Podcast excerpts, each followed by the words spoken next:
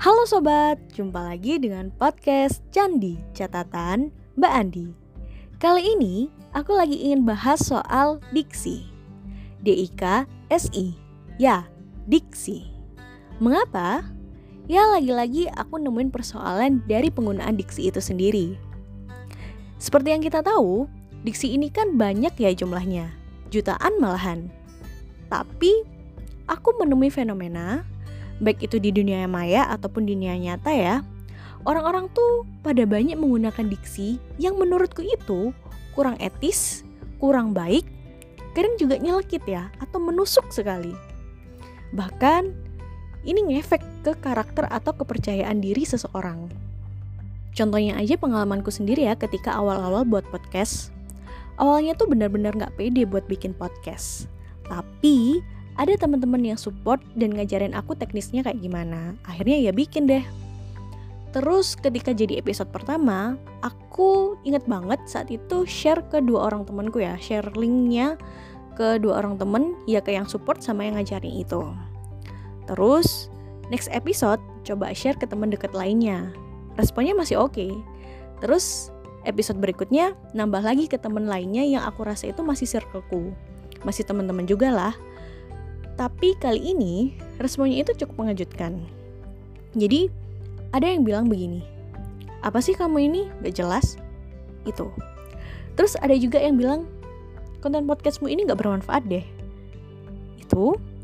Terus ada juga yang bilang, kayaknya podcastmu ini lebih cocok deh buat ngusir binatang X. Gak usah aku sebutin ya binatangnya, disensor aja lah. Lalu, apa yang terjadi? Jelaslah aku kena mental cukup shock, cukup sedih juga. Rasanya tingkat kepercayaan diri yang sudah terbangun nih ya, itu langsung anjlok gitu loh. Lalu aku cerita ke teman-teman juga yang sedari awal nemenin perjuanganku bikin podcast. Dan mereka selalu support ya, mereka ngedorong terus, mereka nyemangatin terus lewat kata-kata dan diksi yang cukup membekas kala itu. Akhirnya bikin semangatku naik lagi sampai pada akhirnya aku pun kembali percaya diri dan bikin podcast lagi dan lagi. Terus ada kasus lain ya. Ada orang yang lagi berproses belajar, tapi semangatnya terus hasil belajarnya juga sama sekali tidak dihargai. Lingkungannya lebih sering menggunakan diksi-diksi yang menghujatnya, mencelanya, dan pada akhirnya dia pun gak percaya diri lagi, gak belajar lagi, prosesnya pun berhenti. Sekarang pertanyaannya, mengapa sih ke orang-orang ini itu pada santuy ngeluarin diksi-diksi yang kayak begitu? Ya yang bikin down, yang bikin orang yang percaya diri lagi. Dan ternyata jawaban mereka tuh simple. Mereka bilang, ya itu sesuai fakta kok. Yang benar kan begitu. Kalau sesuai fakta, ngapain harus dialusin sih? Kalau jelek, ya dibilang jelek aja. Objektif kan? Hmm, konsep ini memang gak salah. Kita memang harus objektif, sesuai fakta, dan juga kebenarannya. Tapi, kita kan masih punya banyak diksi. Kita masih punya jutaan stok diksi kan? Banyak sekali loh diksi yang bisa kita pilih untuk menggambarkan keobjektifan tanpa harus ngejatuhin mental seseorang. Betul kan? Ini, ini letak masalahnya.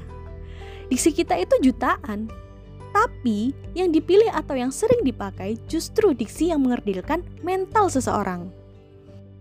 Parahnya lagi, ini terjadi ketika konteksnya adalah lawan bicara kita itu sedang melakukan hal yang positif. Entah itu belajar, berproses berkarya, ingin beri kemaslahatan. Dia nggak kriminal kok, dia nggak melanggar norma agama ataupun nilai-nilai kemanusiaan. Konteksnya itu positif. Coba sekarang kita bayangin, dia udah punya niat baik loh. Terus dia juga sudah mengeluarkan effort untuk mencapai keinginannya itu. Lalu tiba-tiba kita datang ngomong, karyamu jelek, karyamu gak enak, gak jelas.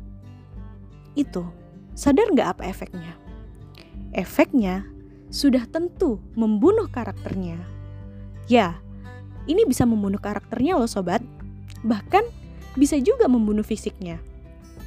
Entah itu karena depresi gara-gara omongan kita ataupun karena nggak kuat sama omongan kita. Akhirnya dia memilih untuk mengakhiri hidupnya itu. Ini beneran ada loh fakta yang kayak gini. Berikutnya, kalau sudah nggak percaya diri, dia itu jadi ragu untuk berkarya. Dia nggak belajar lagi, dia pun juga enggan untuk berproses lagi. Padahal ya bisa jadi dia itu memiliki potensi yang luar biasa untuk menghasilkan karya-karya yang bisa menyelesaikan persoalan masyarakat. Nah, kalau seandainya semakin banyak orang yang seperti ini, orang yang kita kerdilkan mentalnya karena diksi kita, ya bagaimana kita bisa maju? Ya, kita akan semakin tertinggal oleh bangsa-bangsa lainnya yang sedari dulu itu menghargai karya dan proses seseorang.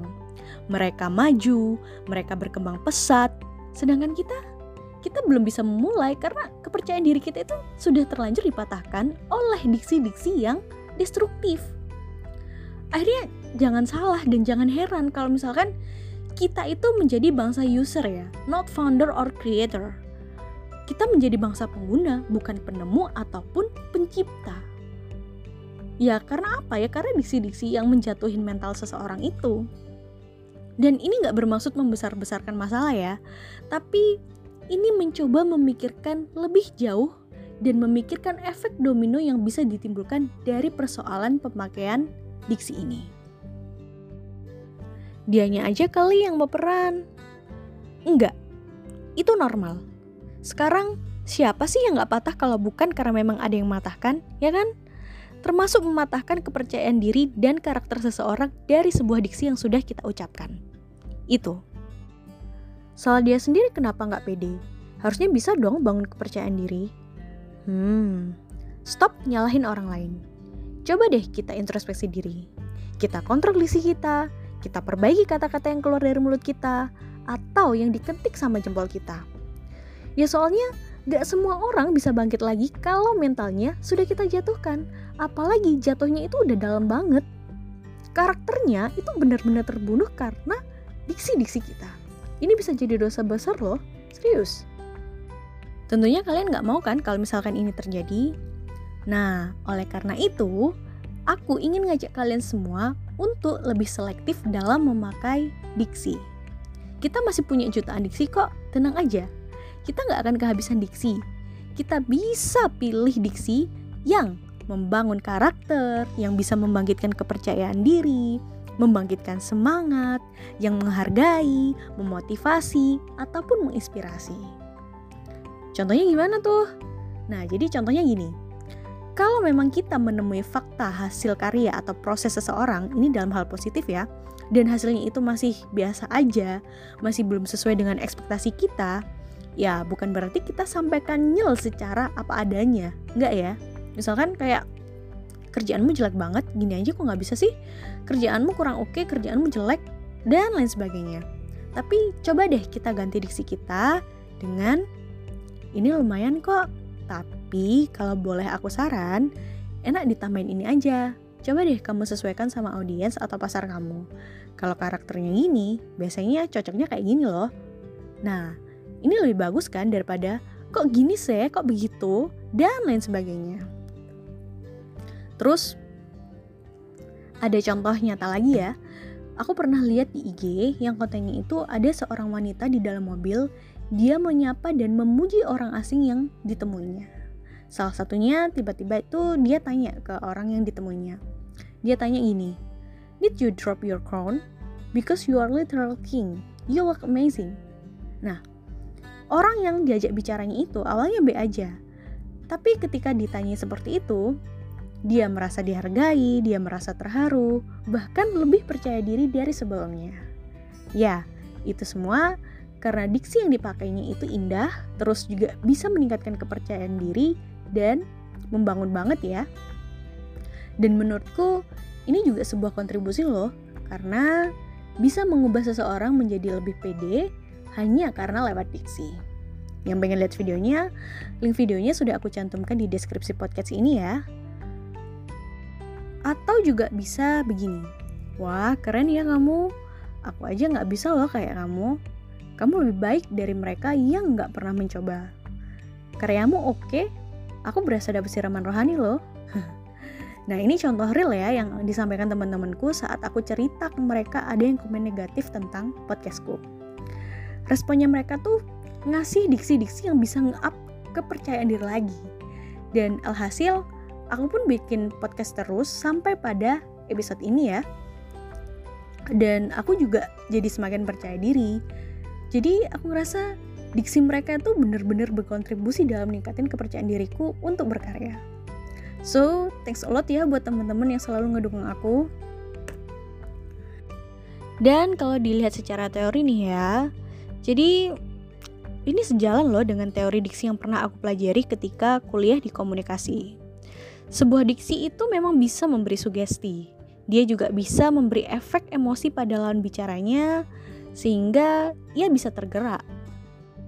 Dan di bukunya Goris Keraf yang judulnya Diksi dan Gaya Bahasa, uh, di situ tertulis bahwasanya kita itu harus bisa memberdayakan diksi ya. Jangan sampai diksi yang kita gunakan itu justru menyakiti atau menyinggung perasaan seseorang. Itu. Dan hal yang semakin buat aku semangat untuk menggunakan diksi yang lebih baik, yang bisa membangun karakter juga, itu karena di dalam agamaku, agama Islam, juga mengajarkan untuk berdiksi atau berkata yang baik kepada manusia. Ini ada di dalam surat Al-Baqarah ayat 83. Allah sudah memerintahkan hambanya untuk berkata yang baik, bukan berkata semaunya ataupun sesuka hatinya.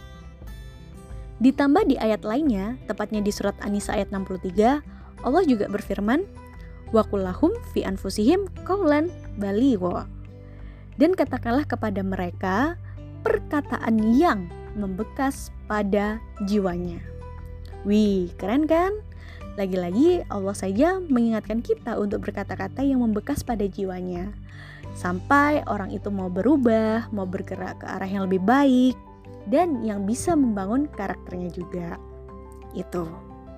Jadi dari ayat-ayat ini dan juga dari teori komunikasi semakin wajib ya bagi kita yang berkomunikasi untuk menggunakan diksi yang baik, yang suportif, yang juga bisa membangun karakter seseorang. Itu. Hmm, sepertinya udah panjang banget ya uraiannya.